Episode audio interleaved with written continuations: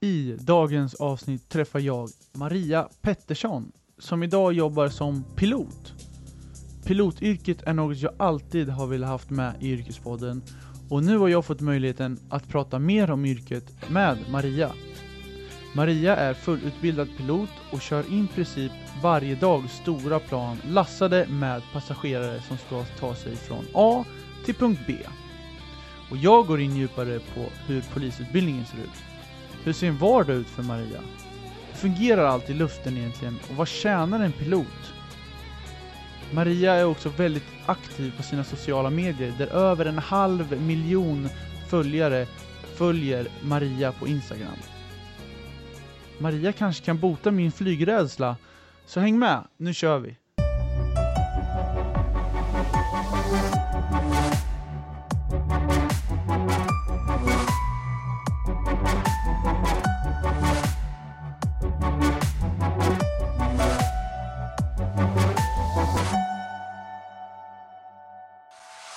Välkommen till Yrkespodden Maria.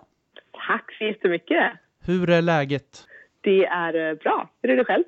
Jättebra faktiskt. Du, eh, vi har ju passerat jul och nyår nu. Hur firade du julen? Eh, julen firades hemma med min mamma, pappa, min syster och eh, deras barn. Eh, nyår jobbade jag. Jag jobbade tidigt skift så jag gick och la mig klockan nio dagen innan tror jag.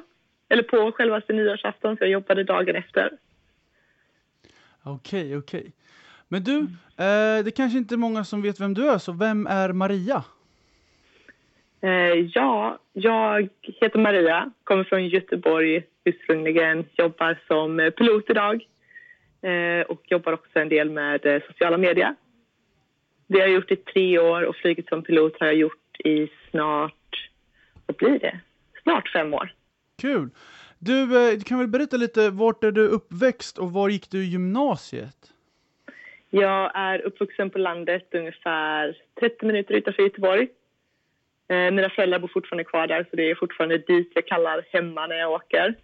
Eh, gymnasiet gick jag först i den kommunen där jag eh, växte upp.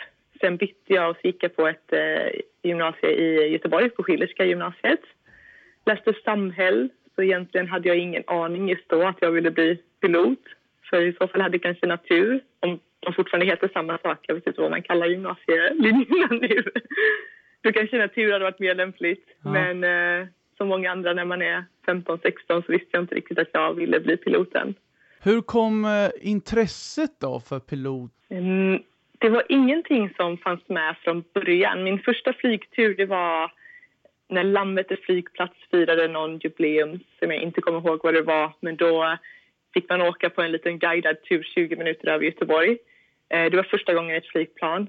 Sen första gången vi flög utomlands så gick jag i sjuan. Då flög vi till Grekland. Eh, men sen tror jag det kom efteråt. Eh, efter gymnasiet flyttade jag till Stockholm. Träffade en tjejkompis där som hade varit och jobbat på Cypern en sommar. Och så skulle hon åka tillbaka till Cypern och frågade om jag ville följa med. Och då tänkte jag, ja det låter jättetrevligt. Eh, jag hade inte varit utomlands jättemycket innan det. Så jag flyttade till Cypern, bodde där i två år och under tiden jag bodde där så träffade jag massa som hade rätt strunt egentligen överallt. Och det var någonting jag inte hade tänkt innan på att man så lätt kunde göra, packa en ryggsäck och backpacka runt. Så jag började göra det och gjorde det under fyra år till och från kanske. Flyttade, jobbade utomlands och tjänade ihop tillräckligt mycket för att kunna åka igen på en backpackingresa. Och sen när jag var 24 så tänkte jag att nej, någonting vill jag göra som, som professionellt yrke som kan tillåta mig att fortsätta resa. Och då tänkte jag att pilot är alltid de som tar mig till alla destinationer så uh, nu vill jag bli pilot. Häftigt! Du, ja. men jag är jätteintresserad av att få reda på det här med pilotutbildningen. Eh, vart har du gått den och eh, kan du summera den på något sätt? Ja, det finns eh, lite olika sorters, vad kan man säga, eh, vägledningar man kan ta när man pluggar till pilot. När jag väl bestämde mig för att jag ville bli pilot, då var det det jag ville göra 100 procent. Jag kunde inte tänka mig någonting annat. Det kändes så rätt. Så jag eh, började googla hur blir man pilot och eh, såg lite olika vägar man kunde ta. Man kunde göra det via militären, men just då hade de ett, eh, någon åldersgräns på 23 år tror jag att få söka, så det kunde inte jag göra för jag var 24. Jag tror de kan ha tagit bort det nu, men eh, ta mig inte 100 procent eh, på att det är sant. Eh, så jag fick gå privat utbildning eftersom det finns inte jättemånga universitetsutbildningar som man kan bli pilot. Så jag gjorde en så kallad eh, modular träning, vilket betyder att man alla delarna, alla certifikat man måste ha för att få flyga kommersiellt gör man separat. Så först tar man sitt så kallat PPL, vilket är Private Pilot License. Så gör man Instrument Rating, CPL, vilket är Commercial Pilot eh, License, um, Multi-Engine, har jag missat någon nu? Night Qualification gjorde jag också och sen ska man göra en MCC-kurs också som man lär sig att uh, jobba som ett crew i Flightdeck. Ah, okay. Så då gör man alla de delarna var för sig. Eh, jag började i Göteborg. Här jag gjorde min teoridel, jag gjorde mitt eh, PPL och mitt eh, Night Qualification. Sen bytte jag faktiskt skola, för det kan vara fördelen när man gör en modular träning att då gör man alla bitarna var för sig och då kan man också byta skola om man skulle vilja göra det. Har man en så kallad integrated training då betyder det att man gör allting i stort sett inbakat, att man börjar från A och sen när man kommer till B så har man gjort allting istället för att ha det uppdelat i olika sektioner. Eh, men då är också nackdelen att på många ställen vill de ha hela klumpsumman betalt in på en gång, vilket är ganska mycket. Och sen skulle man inte vara nöjd med den skolan eller på att man flyttar eller någonting, vill byta skola, så är det mycket svårare att göra det. Men hur mycket kostar en sån här pilotutbildning då, om folk eh, som lyssnar här undrar? Eh, när jag eh, först sökte på vad det kostade hade jag ingen aning när jag bestämde mig för att jag ville bli pilot. Så när jag såg summan då var det nästan att man satte kaffet i halsen och tänkte herregud hur kan man vilja betala det? ja. eh, för när jag gick den så tror jag att det blev eh, eh, vad var det skolan skrev? Att man, om man gjorde allting så skulle det kosta ungefär 600 000. Men då var det utan den så kallade MCC-kursen som brukar ligga på en 40 000 kanske. Och sen var det utan alla teoriavgifter för eh, Transportstyrelsen som man gör sina prov hos. Um, så det blir kanske ändå en 700 000 i slutändan. Och sen ska man ju också leva under den tiden. Det kanske tar ett och ett halvt till två år att göra utbildningen. Så det tar ungefär ett, ett, vad sa ett och ett halvt till två år för utbildningen? Eh, ja. och eh, de här som, om man vill plugga till pilot, kan man få någon typ av CSN när man pluggar eh, till pilot? Det finns eh, vissa skolor, som den skolan som jag gick på, eh, även också, jag bytte ju skola sen jag gick på en skola nere i Skåne eh, för den sista biten. Och båda de skolorna var CSN-berättigade, så då kan man söka CSN. Jag tror det är, eh, vad är bidragsbiten, om det är 8 000 man kan få i månaden som man har som alldagslevnader, att betala hyra och mat och sånt som man behöver ha. Vet du om man kan ta den här utbildningen, den här, de här pengarna, om man måste betala det liksom ja, i cash, alltså i kontant, eller måste, kan man ta det på ett lån? Eh, vissa skolor kan ha att de samarbetar kanske med någon bank som kan rekommendera en lite mer att man tar lån.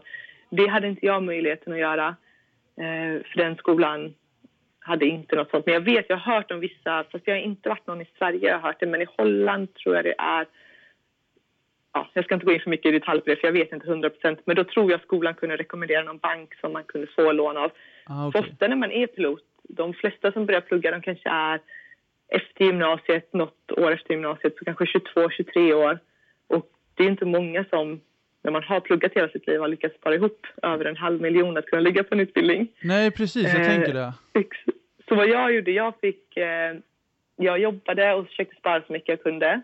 Eh, men ja, 600 000 var helt omöjligt att spara ihop. Eh, så jag hade faktiskt jättesnälla föräldrar som i sig kunde ta ett lån för mig och fick jag låna det för, från dem sen. Så det fick jag börja betala tillbaka till dem på en gång. Så då blir det nästan att man tog sin lön i början och halverade den och så betalade tillbaka. Ja, men det låter, det låter intressant. Men du, Uh, om vi tänker så här, om vi går in lite på pilotutbildningen nu. Det här är jag väldigt, det vill jag också höra och det är många som har frågat mig om hur den här utbildningen går till. Alltså är det, är det först mycket teoridelar och sen går man ut och provar att flyga? Eller hur, om du skulle dela upp den här utbildningen i två delar, hur ser det ut? Är det, är det först teori och sen praktik eller är det tvärtom? Ehm, jag har förstått det som att det är många som gör teorin och sen börjar flyga. Vilket jag tycker är fel sätt att göra det egentligen. Nu är det säkert skolor som gör det så och det har funkat jättebra. Men som, som jag gjorde där jag gick på svensk pilotutbildning i Göteborg, då började vi med, vi med vår PPL-teori och jag tror det var redan första eller andra veckan så fick vi sätta oss i ett flygplan direkt. Ehm, då fick man känna på lite hur kontrollerna fungerade och så vidare. Och det tycker jag är jätteviktigt för tänk att sitta instängd och bara läsa teori och läsa om hur ett flygplan fungerar men faktiskt inte gå testa det. Det var ju en jättemorot att kunna sitta inne i teorisalen för vi körde teori 8 till 4 tror jag varje dag och sen på eftermiddagen hade vi flygning. För eh, min PPL och den här första biten gjorde jag på sommaren så då kunde man ju flyga ända till 11 på kvällen nästan när det fortfarande är ljust. Så då körde vi eh, teori på morgonen och förmiddagen, eh, tidig eftermiddag och sen flög man senare. Men eh, om vi går in lite på eh, det här med flygtimmar. Eh, jag vet ju att jag pratade någon gång faktiskt med en eh, kille som var flygvärd när jag var på väg hem från Paris. Och då pratade de om att eh, man ska göra ett antal flygtimmar innan man ska, för han, han ville bli pilot. Hur funkar mm. allt det där? Eh, det är också som fungerar olika från eh, världsdel till världsdel ska man säga egentligen. Här i Europa flyger vi under ett regelverk som heter EASA och då kan man börja flyga kommersiellt med 200 timmar. Så egentligen man går, som jag, under min utbildning så fick jag kanske ihop en 100 timmar som är lektionsledd flygtid som man även också får logga i sin loggbok. Och sen fick jag timebilda, heter det, 100 timmar som man hyr ett flygplan egentligen och bara flyger runt och skaffar sig själv så mycket erfarenhet man kan. Eh, I USA vet jag att det fungerar annorlunda. Då har de en 1500 eh, timmars regel. Att innan du har 1500 timmar så kan man egentligen inte söka så mycket kommersiella jobb. Men eh, kan hända att det ändras. Jag är inte helt, helt hundra på det. Men jag vet att de har haft 1500 timmars regeln i alla fall. Att eh, du ska ha 1500 timmar innan du söker jobb egentligen. Och det är jättesvårt att få 1500 timmar. Låt säga att det kostar minst 1500 eh, kronor i timmen att hyra ett småflygplan. Då ska man sitta och betala det i 1500 timmar. Det blir jätte, jätte Ja, det blir några kronor. Kostnad. Men man, man börjar alltså med, just det, för du var inne lite på det här med småflyg. Jag kan tänka mig att man börjar ju inte flyga de här stora flygplanen direkt. Eh, vad är det för typ av flyg man börjar flyga? Mitt flik flyg som jag hade under skolutbildningen hette Diamond 40 och Diamond 20. Där det är ett eh, tvåsits och fyrsitsigt flygplan. Sen eh, flög jag också 1672, 152, Piper, eh, alla olika sorters småflygplan man kan flyga egentligen. Sen gick jag faktiskt direkt från flygutbildningen till att flyga 737 eh, vilket i Europa är det ganska vanligt att man kan göra. För då går man en kurs på flygbolaget som man jobbar för.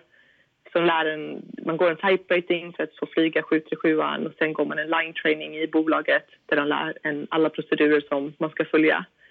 Eh, men på, det finns speciellt då som i USA kanske där man måste ha 1500 timmar, då kanske man börjar flyga mindre flygplan där man släpper fallskärmshoppare eller eh, tåar, eh, gliders, eh, glidflygplanen som inte har någon motor men måste ändå komma upp på något sätt. Mm. Men eh, kan inte du berätta lite hur, när du skulle flyga ett sånt här stort flygplan första gången, hur var din första upplevelse när du ska eh, flyga? Med alltså ett eh, stort plan?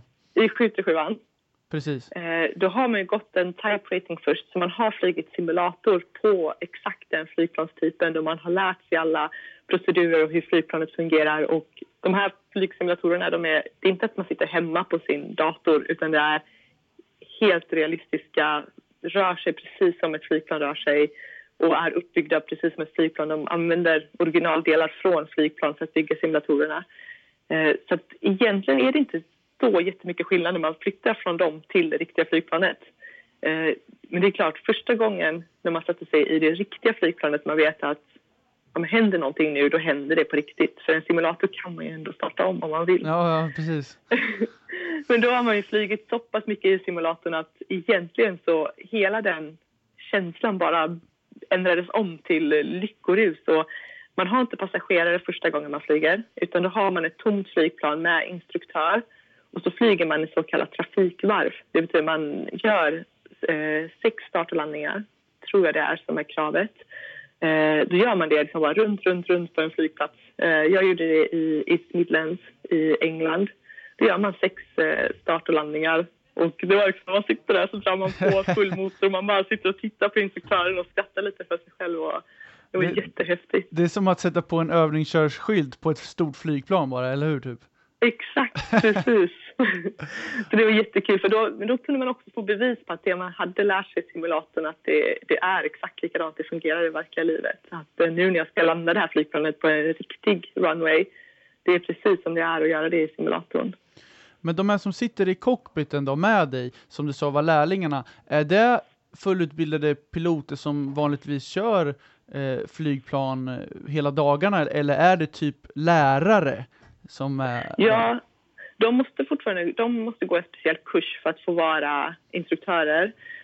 Så det är inte så att vem som helst kan bara hoppa in och hyra en 737 och lära varandra, utan det är speciellt utbildade piloter som som gör just den här, speciellt när det är ens första, första gång.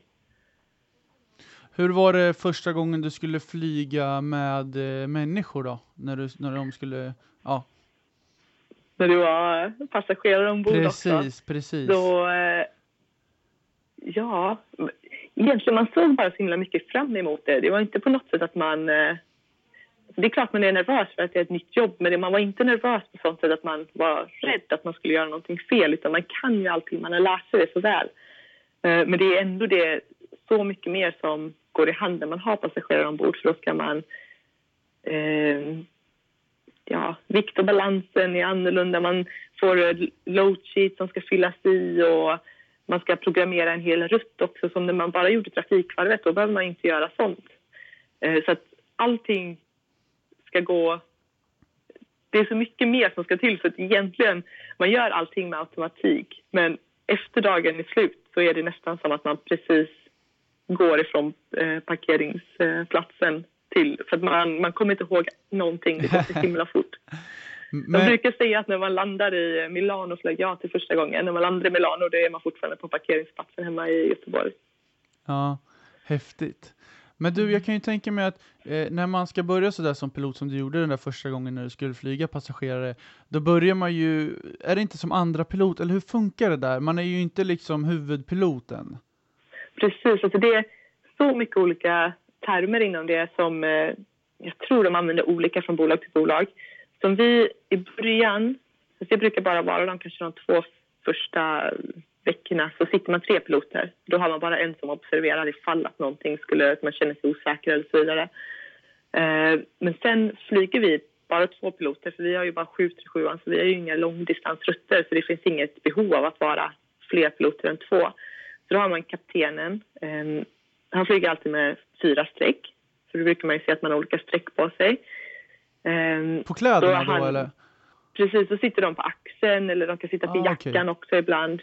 Eh, så fyra streck, då är man kapten.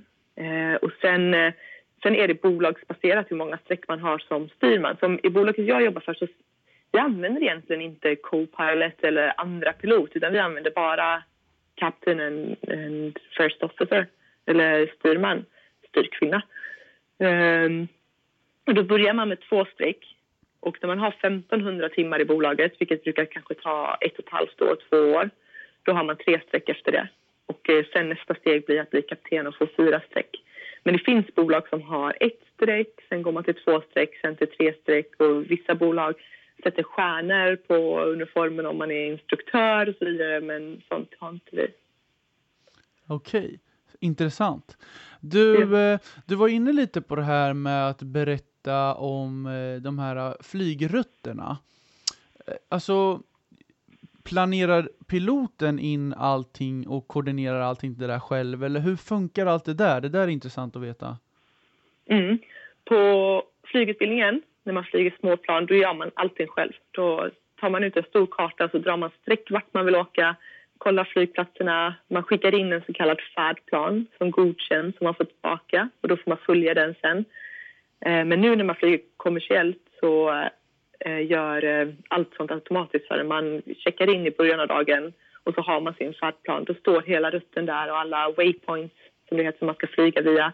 Vi flyger liksom på motorvägar uppe i luften kan man säga. Precis som man har vägar på marken. Då följer man den rutten. vi programmerar fortfarande in den i datorerna på flygplanet. Men då följer vi bara steg för steg. Då kanske det är tio olika punkter vi sätter in Eh, från A till B eh, i eh, flygdatorn. I detta avsnitt kan jag gladeligen berätta mer om samarbetet med Katrinelunds gästgiveri och sjökrog. Katrinelund ligger vid södra Hjälmarens strand och har du vägarna förbi Örebro får du inte missa detta. Här kan du gå på spa, boka din fest, övernatta och njuta av utsikten av Hjälmaren, och kökets fantastiska gastronomi. Vi vill skapa något unikt Någonting mer än god middag serverad vid ett bord. Välkomna ut på landet. Gå in på katrinelund.se för att läsa mer om deras upplevelser. Och nu har jag fixat så att om du bokar ett relaxpaket och uppger koden YRKESPODDEN så får du 15% rabatt. Tack Katrinelund!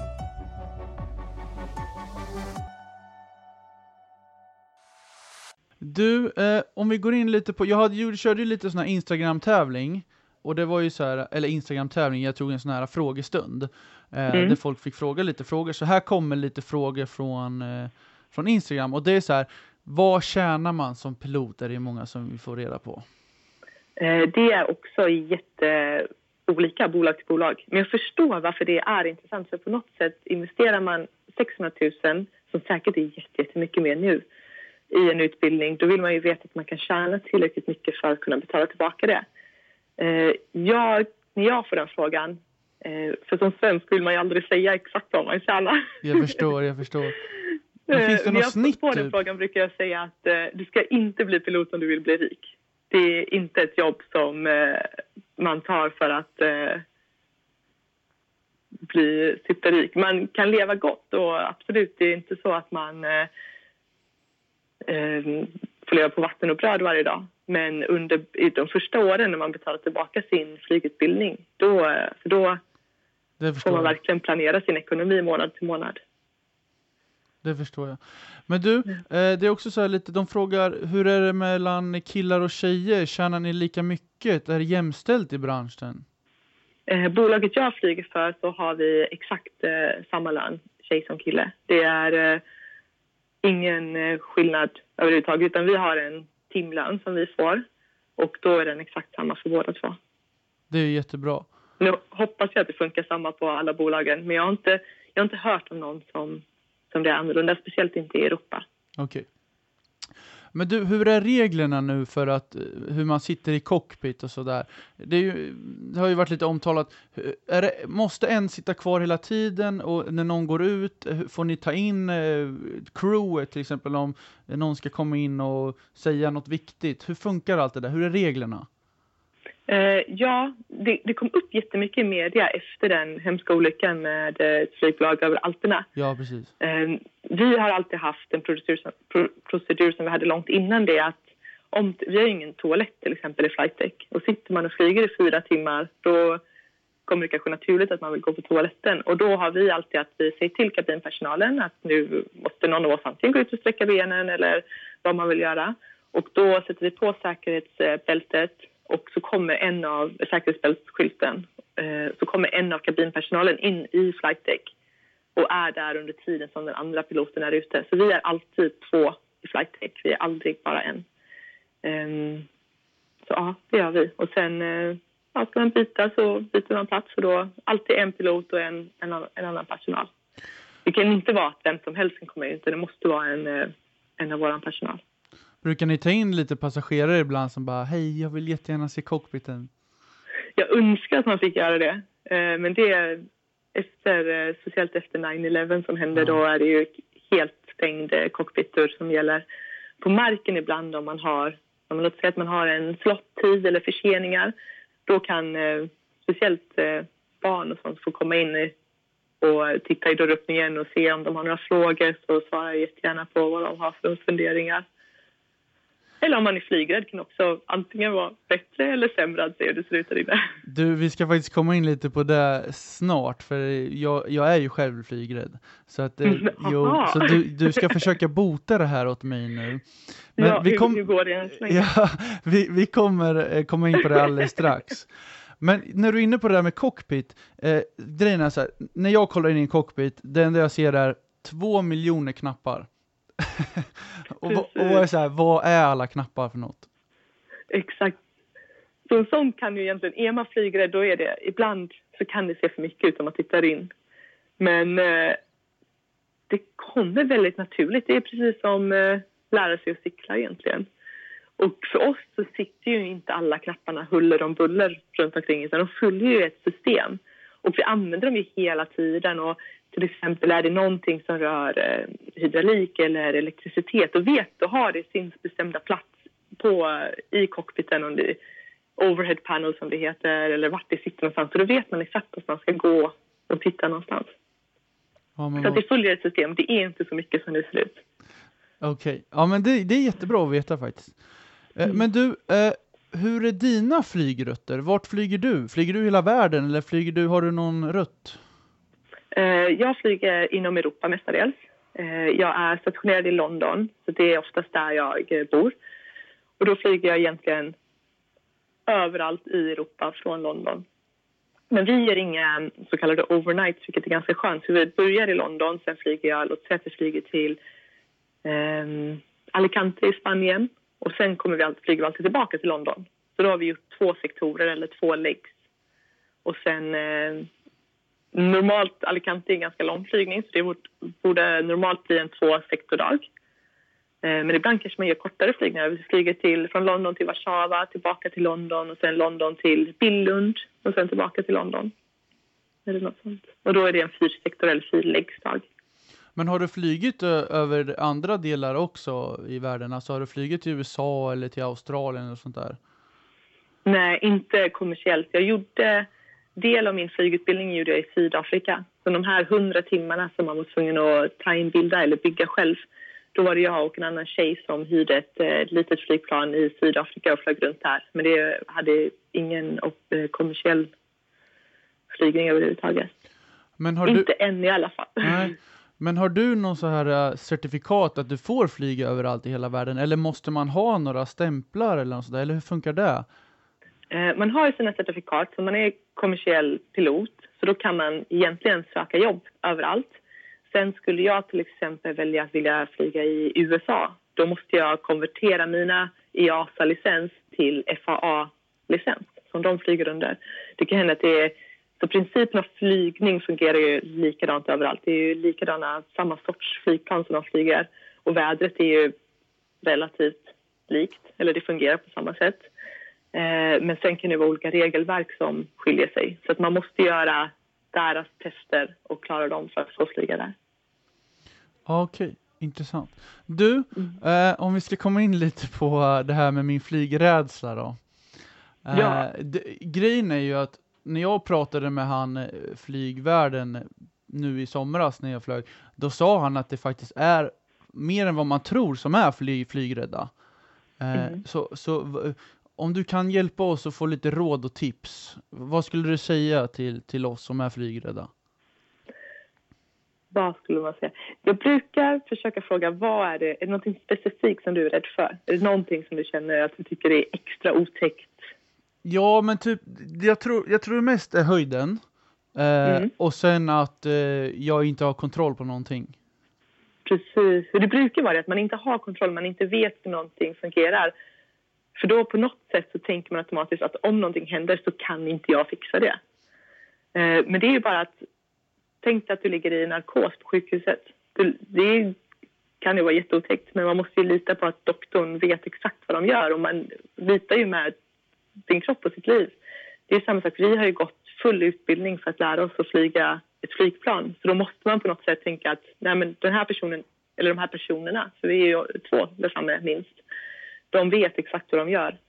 Eh, sen eh, höjden,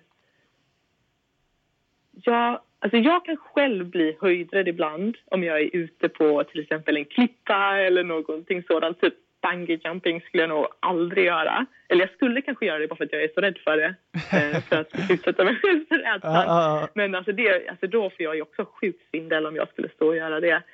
Ehm, men på något sätt känns det ändå, när man sitter i flygplanet då kopplar man bort den höjden. För att egentligen ska man tänka att desto mer höjd man har, desto bättre. För låt säga, nu vill jag inte säga någonting för att skrämma dig, men höjd är ju tid. Eh, så skulle någonting hända, då, desto mer höjd man har egentligen, desto mer tid har man ju på sig att ta ett beslut vart man skulle vilja åka. Om man skulle behöva hitta någon ny flygplats att landa på eller om, eh, ja, vad som helst. Har du nödlandat någon gång? Nej, eh, vi har eh, gått ner fortare än vad vi skulle gjort i normala fall på grund av att vi hade en misstänkt hjärtattack ombord. Oj. Så då, eh, i sådana fall så har man, kabinpersonalen är jätteduktiga på att eh, se sånt och eh, de är mer utbildade på den biten än vad vi är, så de ha, har hand om passagerarna. Så då säger de alltid till oss att nu har vi en passagerare som eh, känner sig lite dåsig, han eller hon eh, säger de olika symptom till oss. Och redan då börjar vi kolla runt att okej, om de skulle ringa tillbaka till oss nu och säga att det är en hjärtattack, vart åker vi någonstans? Så den gången när det hände för mig då eh, hade personal, eh, kabinpersonalen ringde in till oss och sa att de hade en misstänkt hjärtattack ombord. Men det var en läkare eh, som satt ombord. Det är helt mysigt det alltid finns en läkare eller någon Så jävla bra. Det är hur bra som helst. Eh, som hade koll på passageraren. Och eh, vi började kolla att okej, om någonting händer så vart ska vi åka någonstans? Vi hade hela tiden en plan vart är närmsta flygplats som är bra att åka till. För då får man ju också tänka att vart kan vi åka där eh, sjukpersonal kan komma. Man kanske inte vill åka till något helt isolerat ö någonstans eh, där det inte finns bra sjukhus. Um, och sen tror jag det tog en ytterligare 15 minuter, kanske en kvart. Och då eh, eh, kom de tillbaka och sa att nej, men nu har eh, läkaren ombord också sagt att det verkar likna mer och mer en hjärta, hjärtinfarkt eller hjärtattack. Och då bestämde vi oss för att diverta och då åkte vi faktiskt tillbaka en liten bit för det var närmsta flygplatsen. Eh, säg till på ATC på radion som jag pratar med att vi har en misstänkt hjärtattack. Och då ger de oss prioritet att komma ner och landa. Så då får vi gå före alla andra flygplanen och så ser de till att vi landar. Och när vi landar så är det jätteviktigt att all annan, alla andra passagerare sitter ner för då kommer ju sjukpersonalen ombord. Och eh, är det då massa passagerare som står i gångarna så är det svårt att komma till den eh, passageraren som är sjuk. Okej. Eh, så vi kan åka till sjukhus där och sen, eh, Sen var det bara upp igen eller? ja, Ja, och fortsätta sen får man ju tanka igen så då har man ju bränt lite extra bränsle på den eh, omvägen som man tog och sen att man ska ju stiga igen. Så då tankar man om och så får man nya färdplaner med nya punkter som man ska programmera in och åker man vidare. Rätta mig om jag har fel nu, men när jag är på ett flygplan så är jag oftast lite nojig med att om någon ska dra i den där dörren, nöddörren, den gör mig riktigt, eh, alltså den ger mig skräck. eh, Det ska man inte. Eh, dels så ser vi ju indikationer i flagtext så fort någon rör vid dörrarna eh, så lyser en lampa hos oss. Så då kan vi bara säga till kabinpersonalen att eh, det är någon som är och pillar på dörren eller eh, vad det än kan vara. Så då, kan de, då ser de det. Eh, och sen så tekniskt sett så går de inte upp med upp i luften ändå för de jobbar även med hur de är stängda och sen är det också trycksförändringar. Vi har högre tryck inne i kabinen och så lägre tryck utanför. Så de går faktiskt, de ska inte gå upp med eh, upp i luften. Men jag tänker så här, kan man lita till 100% på tekniken 2019 med flygplanen? Eh, jag tror inte man kan lita 100% på någon teknik Nej, det är någon sant. gång. Det är sant. Eh, Men eh, hur bra är tekniken liksom? Om du, du generellt som kör hela tiden. Jag tycker att den är jättebra. Som knock on wood kan man säga om man... eh, Men jag har inte varit med om någonting där man har känt att tekniken är det som har failat. Eh, Och sen sitter vi fortfarande där framme och monitorerar tekniken hela tiden. Men det är ju prat om eh, pilot, pilotless flygplan, att det ska flygas utan pilot i framtiden. Men då är ju frågan, litar man så pass mycket på tekniken att man faktiskt inte vill ha någon som sitter där framme och monitorerar? Nej, då känner jag mig mycket tryggare med att det finns piloter. Eh, Precis, precis. Sen tror jag att human error gör ju fler fel än vad tekniken gör tyvärr. Ja, ja så kan Men man vill ju fort, man vill ha båda ändå. Jag, jag skulle nog själv Ja. inte sätta mig i ett flygplan som inte har någon pilot. Ja, du får säga till ert bolag att bara nej, vi ska ha kvar, vi ska ha Nej, kvar ju- än så piloterna. länge så finns ju inte flygplanen för det heller Nej. som kan göra det. Nej, men de, de kommer ju säkert försöka med sånt där i framtiden. Men hur mycket är det egentligen autopilot jämfört med vad ni flyger i? Om du skulle typ i en viss procent på en hel rutt. Hur mycket autopilot är det? Är det 90% autopilot och 10% att ni kör? Eller hur, hur funkar det där typ? Ja, minst skulle jag nog säga. Vi gör alltid take-offen manuellt, att vi startar. Sen har vi som procedur vid 1000 fot, så eh, kopplar vi in autopiloten. Men om vi vill så får vi fortsätta flyga lite manuellt. Eh, man får inte flyga hela rutten manuellt, för det finns vissa luftrum där bara autopiloten får flyga. Och då har man krav att man måste ha två fungerande autopiloter Eh, för att få flyga där. Ehm, men sen landning, då brukar man kanske koppla ur någonstans mellan 10 miles. Vad blir det? Nu har man inte miles som eh, mil i Sverige. Det är inte 10 kilometer. Ehm, ja, någonstans mellan 10 minuter kan man säga innan man landar till två minuter innan man landar. Brukar man koppla ut och flyga manuellt. Ehm, men flygplanet kan ju också landa helt av sig själv om man eh, gör en så kallad Cat 3-landning. Då har man två fungerande autopiloter ikopplade som eh, landar flygplanet. Okej. Fan, det är jäkligt intressant där. Alltså, jag tycker pilotyrket är jäkligt häftigt alltså.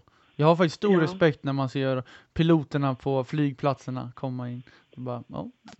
Det, är lite, det är lite häftigt faktiskt. Det är lite man häftigt. känner sig inte så jätte- jättecool själv när Jag- man går runt där Jag ibland. tror att det faktiskt är fler än jag som tänker så. så du får börja tänka Ja. på det här nu. Att, Och då, jag ska sträcka på ryggen lite nästa gång då. Istället. Det blir nästan att man försöker gå så fort som möjligt genom eh, terminalen. Man känner att man sticker ut så mycket när man, eh, när man, man jobbar i uniform. ja, men ni Man sticker ju försöker ut. gå lite inkognito med någon tröja över sig eller så. Ja, men nej, men ni sticker ju ut lite, det gör ni. Men du, eh, jag kan ju tänka mig att det kan bli långa dagar och försenade flyg och, och jobbiga situationer i jobbet. Hur tacklar du sånt? Um, ja, alltså saker man inte kan göra så mycket åt har jag nog lärt mig att det är ingen idé att slösa energi på att bli sur över det heller. Eh, vi har ju eh, timmar som vi inte får bestiga. Så 12 timmar är ju vad våra arbetsplats vår arbetstid får vara. Så vi kan inte jobba mer än det. Ehm, så ja, när det är förseningar, det är klart att det är frustrerande om man, vi som alla andra, vi vill ju komma hem eller komma dit vi ska. Vi har ju kanske också någonting planerat senare på eftermiddagen. Ja, precis. Men ja, det är inte... Man kan helt enkelt inte göra så mycket åt det. Ibland är det luftrestriktioner, ibland eh, ja, missar man sin starttid och då har man nästa starttid en timme senare. Då är det bara att sitta där och dricka kaffe. Ja, ja, skillnaden är bara att eh, typ för normala personer bara, ah, jag kommer lite sent till träningen, jag sitter fast i trafiken här vid någon gata, medan du säger, nej, jag sitter fast i Milano just nu, så jag kommer nog eh, snart. Jag kommer imorgon. ja, men exakt. Ja, ja det är ju det speciellt som, som jag har ju inga barn eller familj eller någonting som jag måste hålla uppdaterad hela tiden. Men man märker det ibland när man flyger med någon manlig eller kvinnlig kollega. Nu flyger jag mest med manliga kollegor. Jag har faktiskt bara haft en kvinnlig kapten eh, under hela min karriär. Eh, att eh, om det är förseningar så kanske de var att de skulle hämta barnen på dagis eller på skolan. Och sitter man då uppe i luften, vi har ju ingen mottagning eller någon, någonting där så man kan ju inte använda sin telefon och skicka ett sms att du, jag blir lite sen. Nej, just det. Utan då måste man ha framförhållning att skicka det antingen innan start om man vet att det kommer bli sent eller att man skickar det då när man är på mellanlandningen någonstans. Men det, det kan ju vara svårt, speciellt om den andra föräldern kanske också har någonting att kanske inte är hemma. Ja, ja men det, det är nog bra att veta som lyssnare det där och få, få, in, få in sig att det, det är, det är, eh, kan vara långa dagar och många timmar och jobb och sådär. Men, men du, om vi går in på något helt annat nu så vet jag att du är ju väldigt aktiv på sociala medier. Eh, och det är ju över en halv miljon person som följer, en halv miljon som följer dig Mm. på Instagram. Hur Mm. har detta blivit möjligt? Det låter så sjukt mycket när man säger en halv Ja. miljon till att börja med. Ja, men det är ju sant. Nej. Ja, men, eh, separat historia till den. Jag hade 25 000 följare så tog min pappa, jag tror jag, om det är någon som har hört eh, tidigare podcast så tror jag jag berättade samma historia så nu kanske jag repeterar mig själv. Men då eh, tog eh, min pappa och klistrade in, han hade en Håkan Hellström-konsert på eh, Ullevi och så klippte han bort Håkan Hellströms ansikte och satte mitt där istället. Nej, han tog bort hela Håkan Hellström så satt han, photoshoppade han in en bild på mig där och sa att nu har du så här många människor, lika många som Håkan Hellström som sitter och tittar på dig. Ja, ja, ja. Och då var det under 100 000 och det kändes ju sjukt mycket och nu att det är en halv miljon känns ju jätte... Ännu mer. Man, det är svårt att se en halv miljon ansikten framför sig alltid. Jag förstår. Um, men hur det blev, det tror jag blev... Alltså jag har alltid varit ganska dålig på att uppdatera vänner och familj på telefon. Uh, min mamma brukar alltid säga nu hör du av dig när du kommer hem och så glömmer jag alltid av det. Uh, så jag är generellt sett inte någon jättebra telefonmänniska. Så då såg jag det här Instagram, jag hade ett litet privatkonto innan, så tänkte jag men om jag börjar lägga upp bilder där då uppdaterar jag ju alla på en och samma gång. Så behöver jag inte få ångest att jag är så pass dålig på att faktiskt ringa. Eh, så då började jag lägga upp bilder på Instagram och sen såg jag andra flygkonton och eh, började lära mig använda hashtags och tagga andra människor och, eh, eller andra flygkonton. Och så såg jag hela den här communityn som var inom flyg. Det är inte bara piloter utan det är så mycket mer. Det är ja, en hel värld. Ja, så det, det, det verkar ju vara lite inne att vara pilot och Instagram, för jag har gått runt lite, de, det är väldigt mycket följare som följer piloter.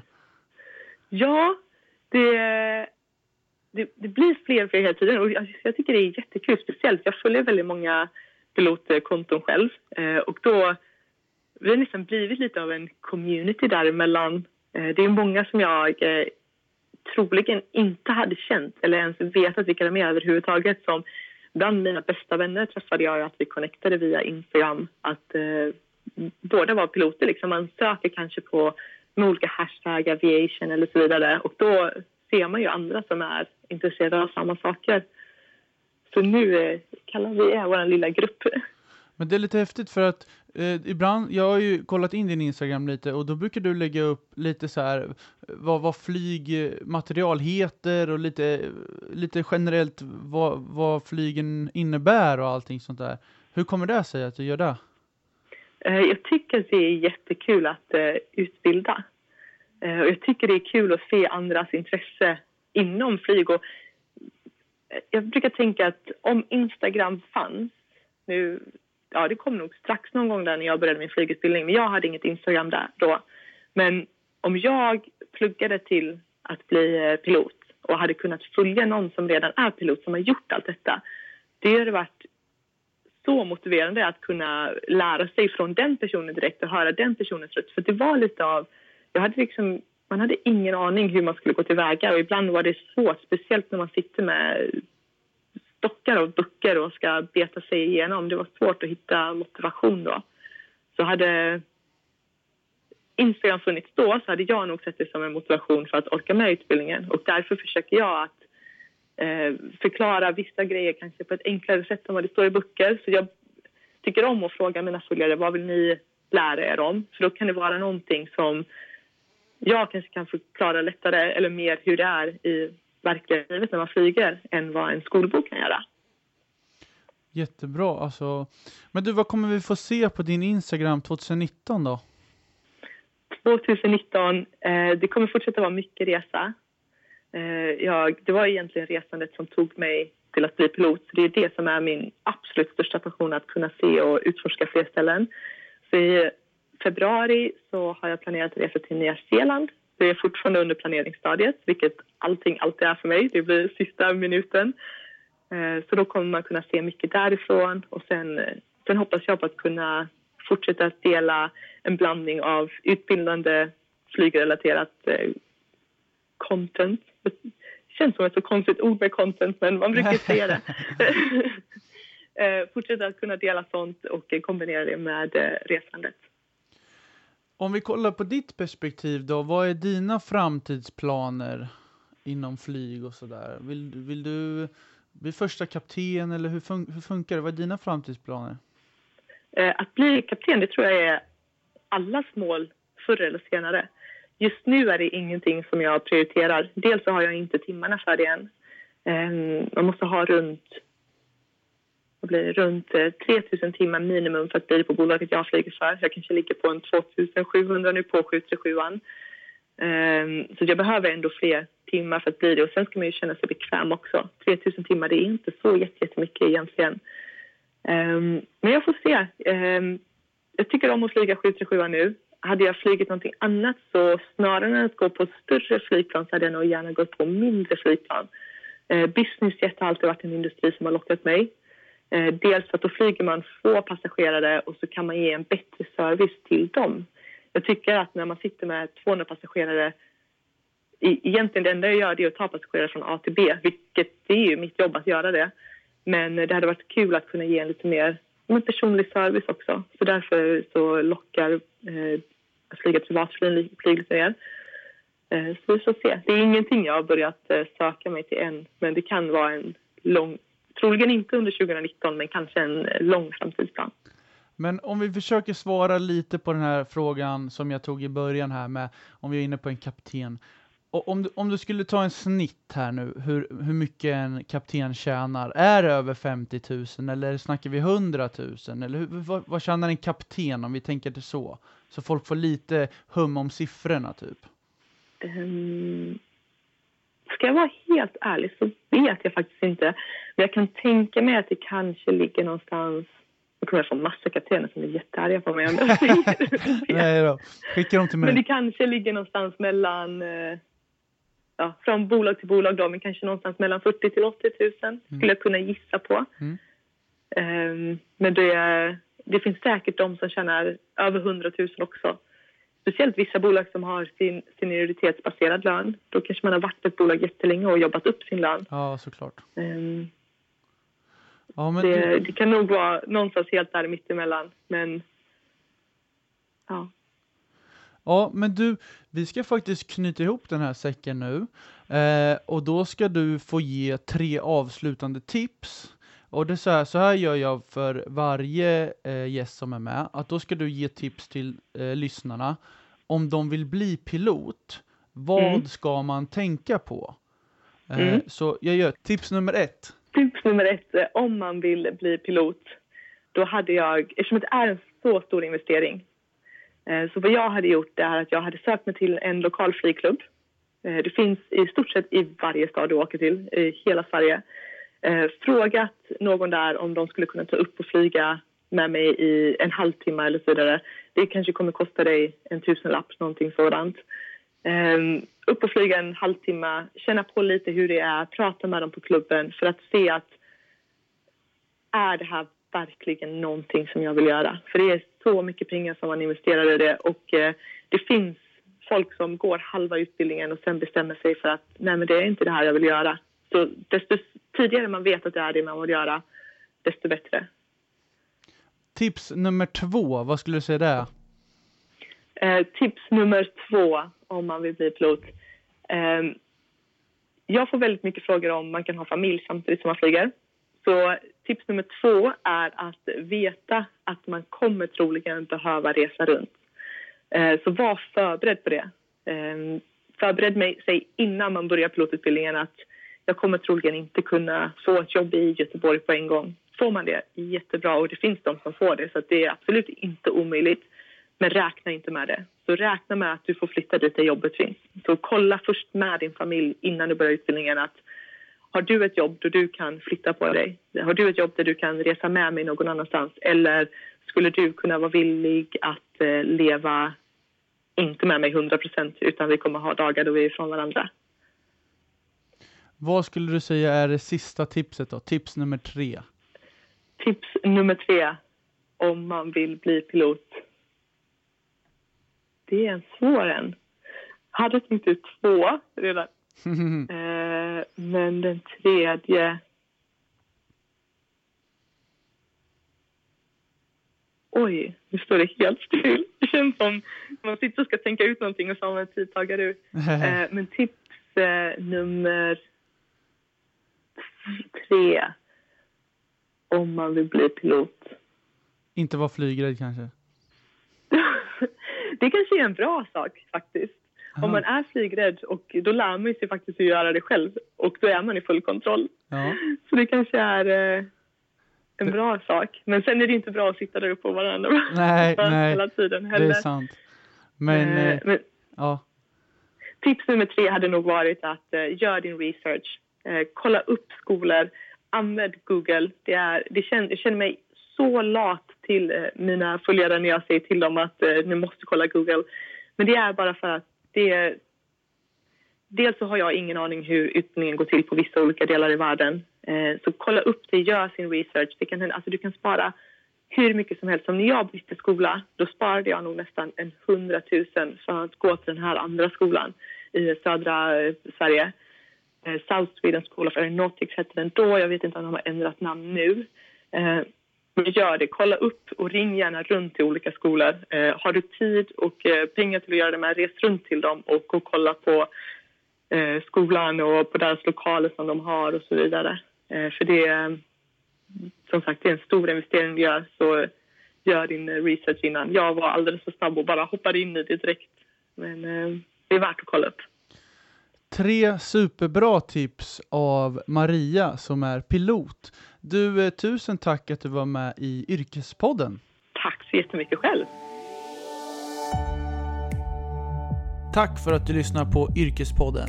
Jag skulle bli superglad om du delade avsnittet eller betygsatte podden i podcastappen. Prenumerera gärna på Yrkespodden för att få notiser på alla avsnitt. Tack!